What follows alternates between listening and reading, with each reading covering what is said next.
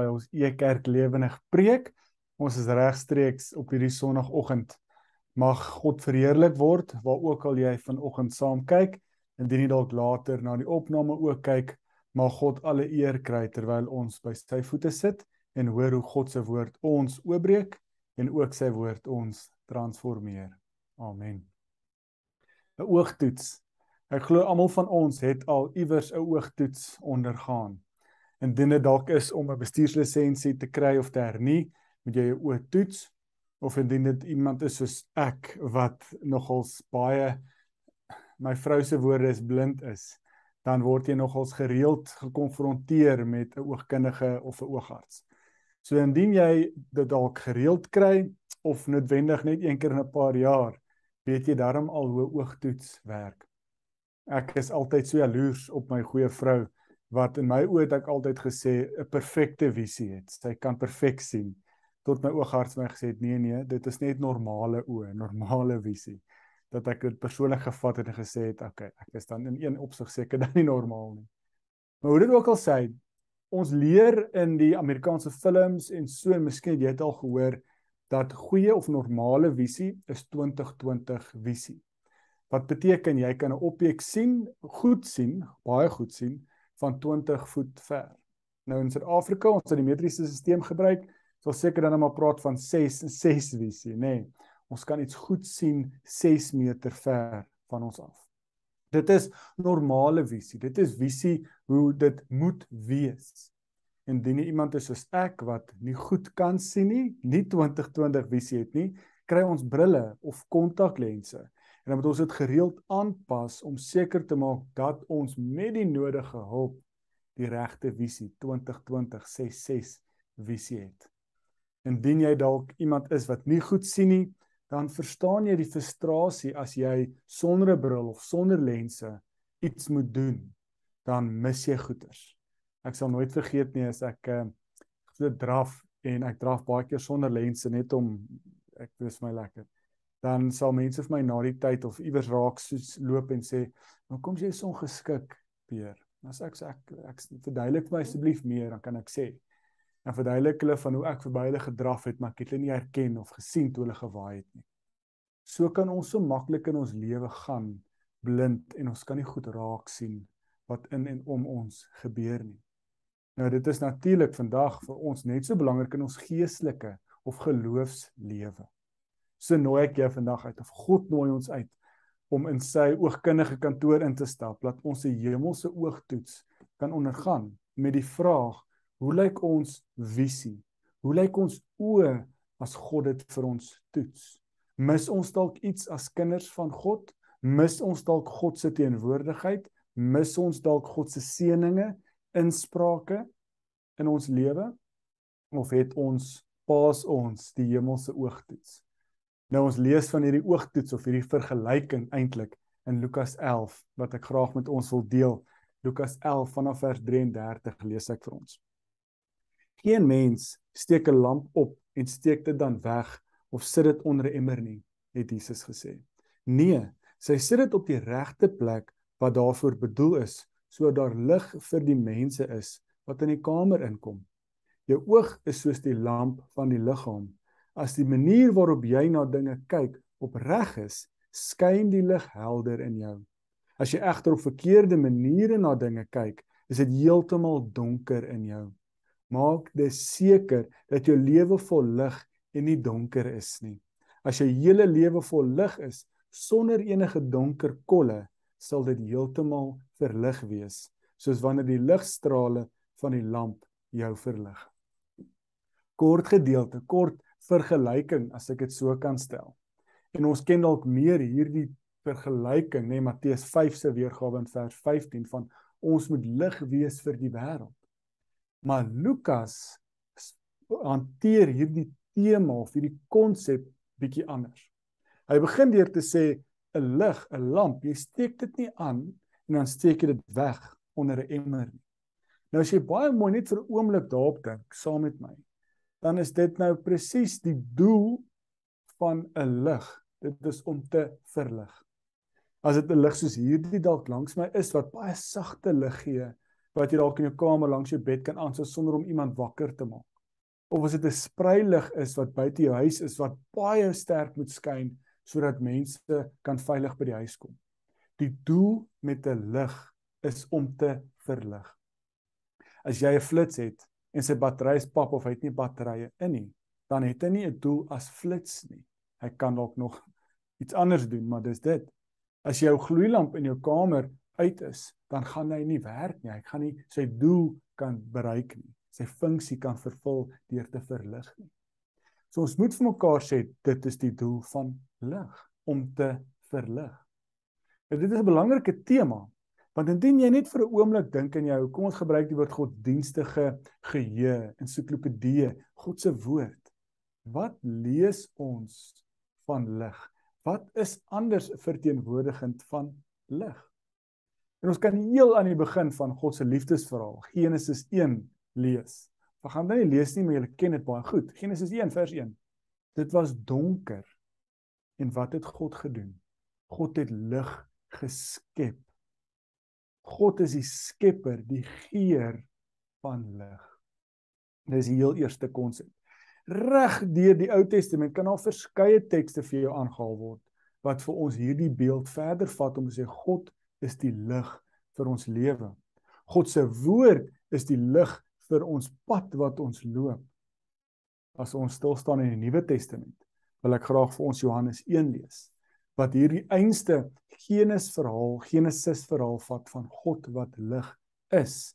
En dit koppel met ons verlosser Jesus en ook vir my en jou in ons lewe. En dan lees ek vir ons Johannes 1 vanaf vers 1. In die begin was die woord daar. Die woord was by God en die woord was God.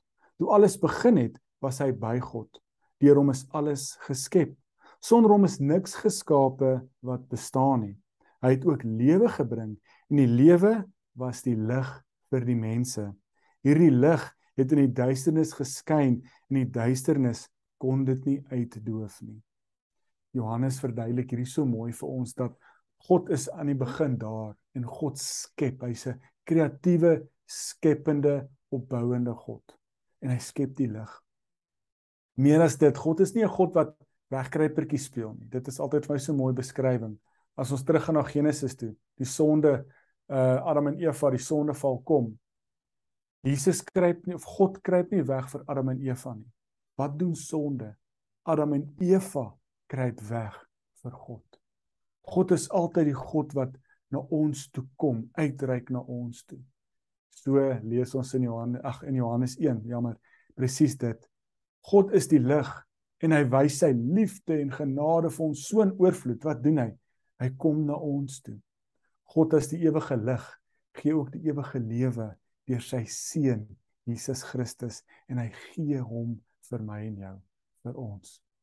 So hierdie lig is nie net iets wat God geskep het en is daar ver nie. God gee ook die lig, Jesus, ons verlosser, en hy stuur hom aarde toe om vir my en jou ons lewe te verlig sodat ons ook 'n lewe van lig kan leef en ook so ewige lewe kan leef in die lig. So dit is ons eerste merker as ek dit so kan stel van Lukas God is 'n God wat uitreik.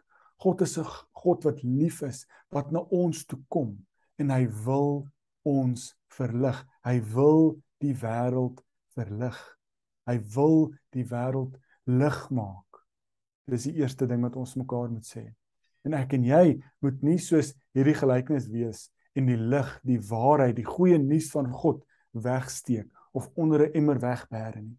Die doel met God se liefde se genade, die doel met Jesus wat aarde toe gestuur is vir my en jou en vir die wêreld is om die wêreld te verlig. Eerste merker.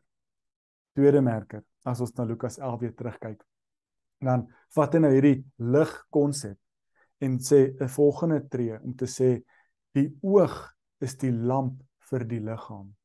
En die oog moet toelaat dat daar lig inkom. En dit is hierdie hemelse oogtoets. Baie eenvoudig.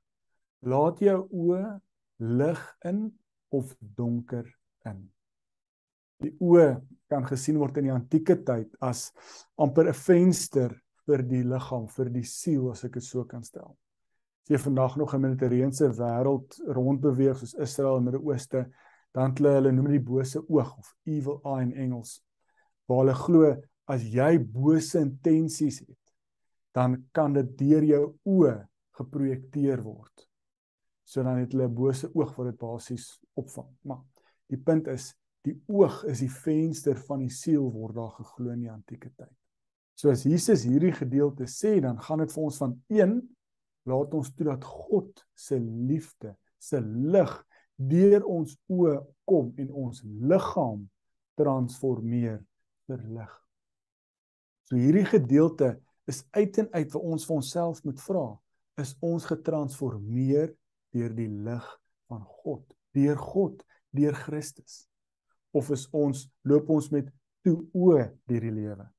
Het sukkel ons om die lig te sien in die wêreld, want dan kort ons hemelse lense, hemelse oë, want dan laat ons donker in in plaas van lig. So ons moet vir mekaar daai vraag vra. Hierdie hele Lukas 11 handel eintlik oor hierdie eintlik vir oordeel oordelingswoord van Jesus. 'n Paar verse voorheen het daar gepraat Jesus gepraat van ons liggaam as dit deurmekaar is, dan is daar vat plek vir die duiwel. Maar as jou liggaam uitsorteer is, hy gebruik die woord die metafoor van 'n huis. As die huis is jou liggaam uitsorteer is, dan is daar nie plek vir die duiwel nie. Dan is Jesus eienaar van jou liggaam. En hierdie gaan oor dieselfde. Met ander woorde, waarmee is jy besig? Is jy iemand wat met in bose, slegte intensies die wêreld doen? Deur die wêreld gaan? Is jy die een wat agteraf skinder van iemand anders? Is jy die een wat besigheidstransaksies doen juis met die intentionele doel om iemand in te doen? Is jy iemand wat kyk wat jy nie mag kyk of doen wat jy nie mag doen wat God van jou verwag nie, wat God gelukkig maak nie? dan is jy besig om met toe oor hierdie lewe te gaan want dan sal donker kolle in jou lewe. Maar die goeie nuus as ek hierdie nog 'n meter voor kan vat vandag as ek dit so kan stel. God is so goed hy's so liefdevol. Hy wil jou lewe verlig. Hy wil jou lewe penetreer en jou transformeer die jonger generasie sal dalk nie van hierdie weet nie maar die vorige generasie se kameras het ons nog met ehm um, films 'n rolletjie kamera film fotos geneem, die mik en druk kameras. Ek sal nooit vergeet hoe kwaad my maale was as ons fotos geneem het en hy's klaar, dan moet jy hom ons nou terug opwen. En as jy dit nie opgewen het nie en jy maak die agterkant van die kamera oop, dan is die lig daar en hy penetreer die film en dan is die hele die paar fotos daar eintlik gemors. So dan die lig penetreer hierdie film en hy hy verlig hom heeltemal. Engels praat ons van iets overexposed. Lig het hierdie die die die die kamera die die negatiewe heeltemal opgemol verlig. Maak nie saak hoe sleg, hoe donker, hoe die film van jou lewe lyk nie. God wil jou lewe penetreer en sy lig is so sterk, so transformerend dat hy alle sonde sal uitwis dat as jy jou lewe kan leef, is dit sondeloos. En wat ek bedoel met dit is onnatuurlik gaan ons nog sonde doen. Maar God kyk nie na ons en sê o, kyk kyk hoe loop die son daar daan. Daar sonde is weggevee. Maak nie saak wat jy gedoen het in jou lewe. Maak nie saak wat jy tans mee besig is nie. God se liefde wat sy seun vir ons aan die kruis gewys het, vee daai sonde uit. Ons kry 'n nuwe kamera, 'n nuwe rolletjie lens 'n film wat ons die lewe kan doen, 'n lewe van lig. So God wil ons transformeer en sy krag, sy liefde is groot genoeg. Johannes 1 het vir ons gesê, die donker kan dit nie uitdoof nie. So as daar dalk 'n klip in jou lewe is in jou liggaam, as daar dalk 'n rots is en dit verhoed dat jou hele liggaam verhelder word met hierdie lig. God wil daai klip kom uithaal uit jou lewe uit. Hy wil dit kom uitvee sodat jou lewe vol lig is en daar nie 'n donker kol in jou lewe is nie. Stap 2 was dit. Stap 3. Dit beteken nou nie ons kan ons word verlig en nou wat? Daar word ook tog in die Bybel gepraat van ons moet nou die lewe gaan leef met hierdie lig. So die lig is die lamp vir ons lewe, as ons die Psalm skrywe vat, maar ook met ons hierdie lig wat God in ons het, in ons is, God se gees in ons bewerkstellig moet ons wees vir die wêreld. Dis wat Matteus 5 vers 15 of is dit Matteus 6 vers 15 vergewe my. Sê ons moet die lig wees vir die wêreld. 'n Ander gedeelte, Paulus sê dit vir ons so mooi in Filippense 2. Dan vat hy hierdie beeld verder om te sê hoe lewe ek en jy nou 'n getransformeerde lewe vol van God se lig in ons lewe. En ek lees Filippense 2 vanaf vers 12. My geliefdes in die Here, julle was nog altyd gehoorsaam. Julle het dit nie net gedoen toe ek by julle was nie, maar ook nou dat ek nie daar by julle is nie.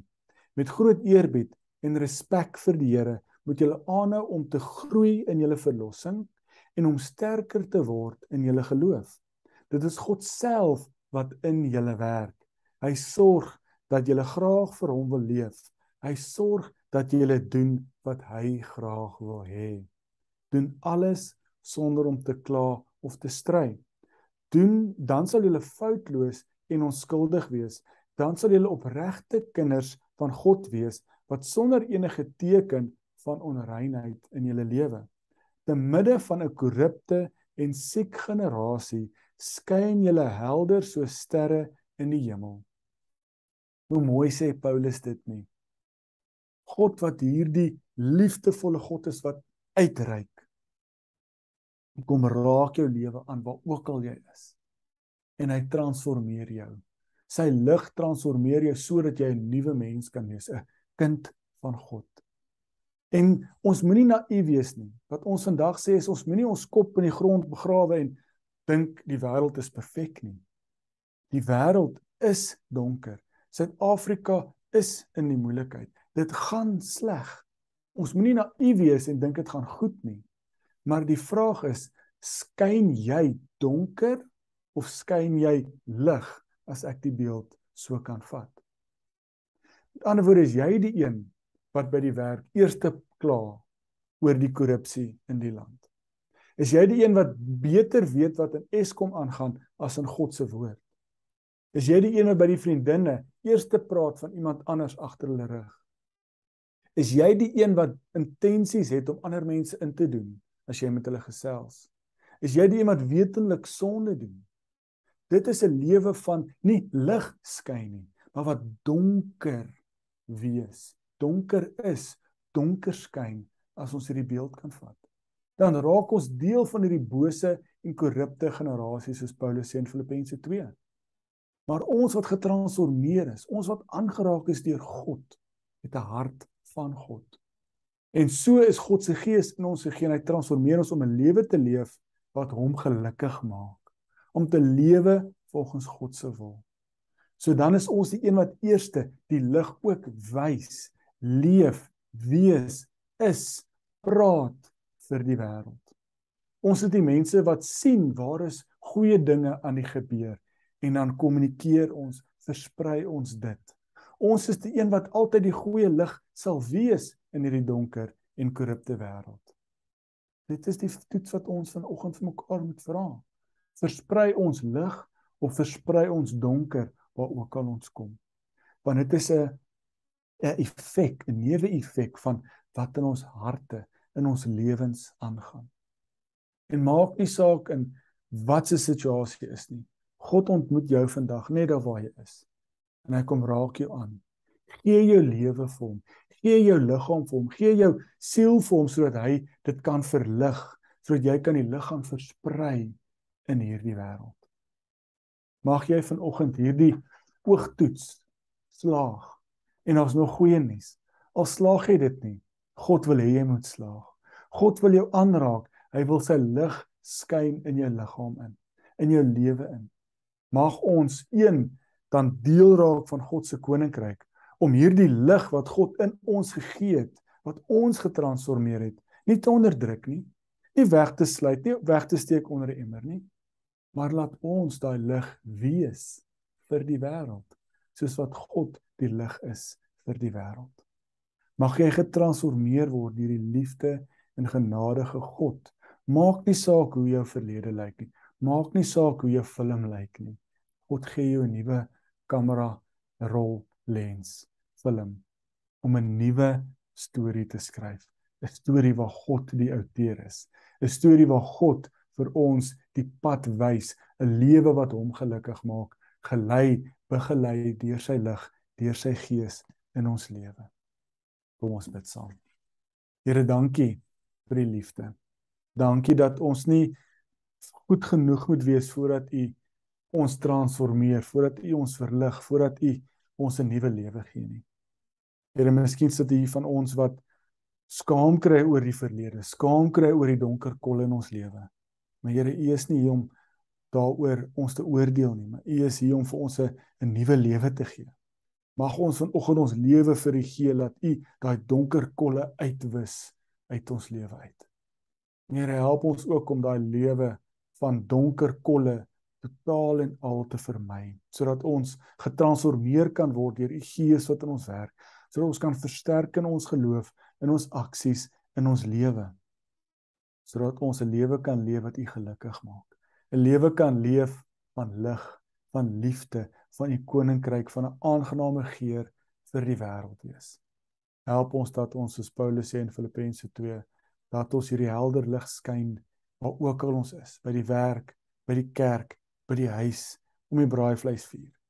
Laat ons lig skyn in plaas van donker, bose vers, versprei.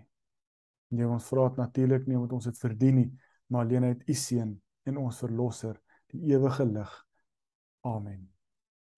Baie baie dankie dat jy ingeskakel het vir die regstreekse uitsending. Indien jy dalk later kyk, natuurlik is jy meer as welkom. Daar's op Ekerk se webtuiste verskillende en verskeie Bybelskole en preke en artikels. So nou ons julle ook uit ons Bybelreis op Vrydagoggende het weer afgeskop waar ons deur Lukas reis en so kan julle natuurlik ook na die opnames kyk op ons webtuiste. Groot afkondiging 10 Augustus, Woensdag aand. Ons het aanvanklik begin gesels oor 3 Augustus, maar het ons dinge bietjie rondgeskuif.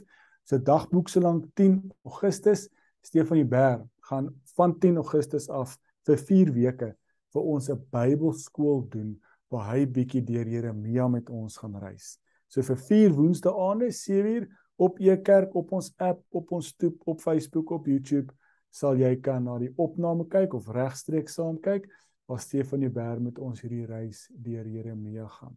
So moet julle elkeen asseblief 'n geseënde week hê en mag julle God se lig wees vir die wêreld. Totsiens. thank you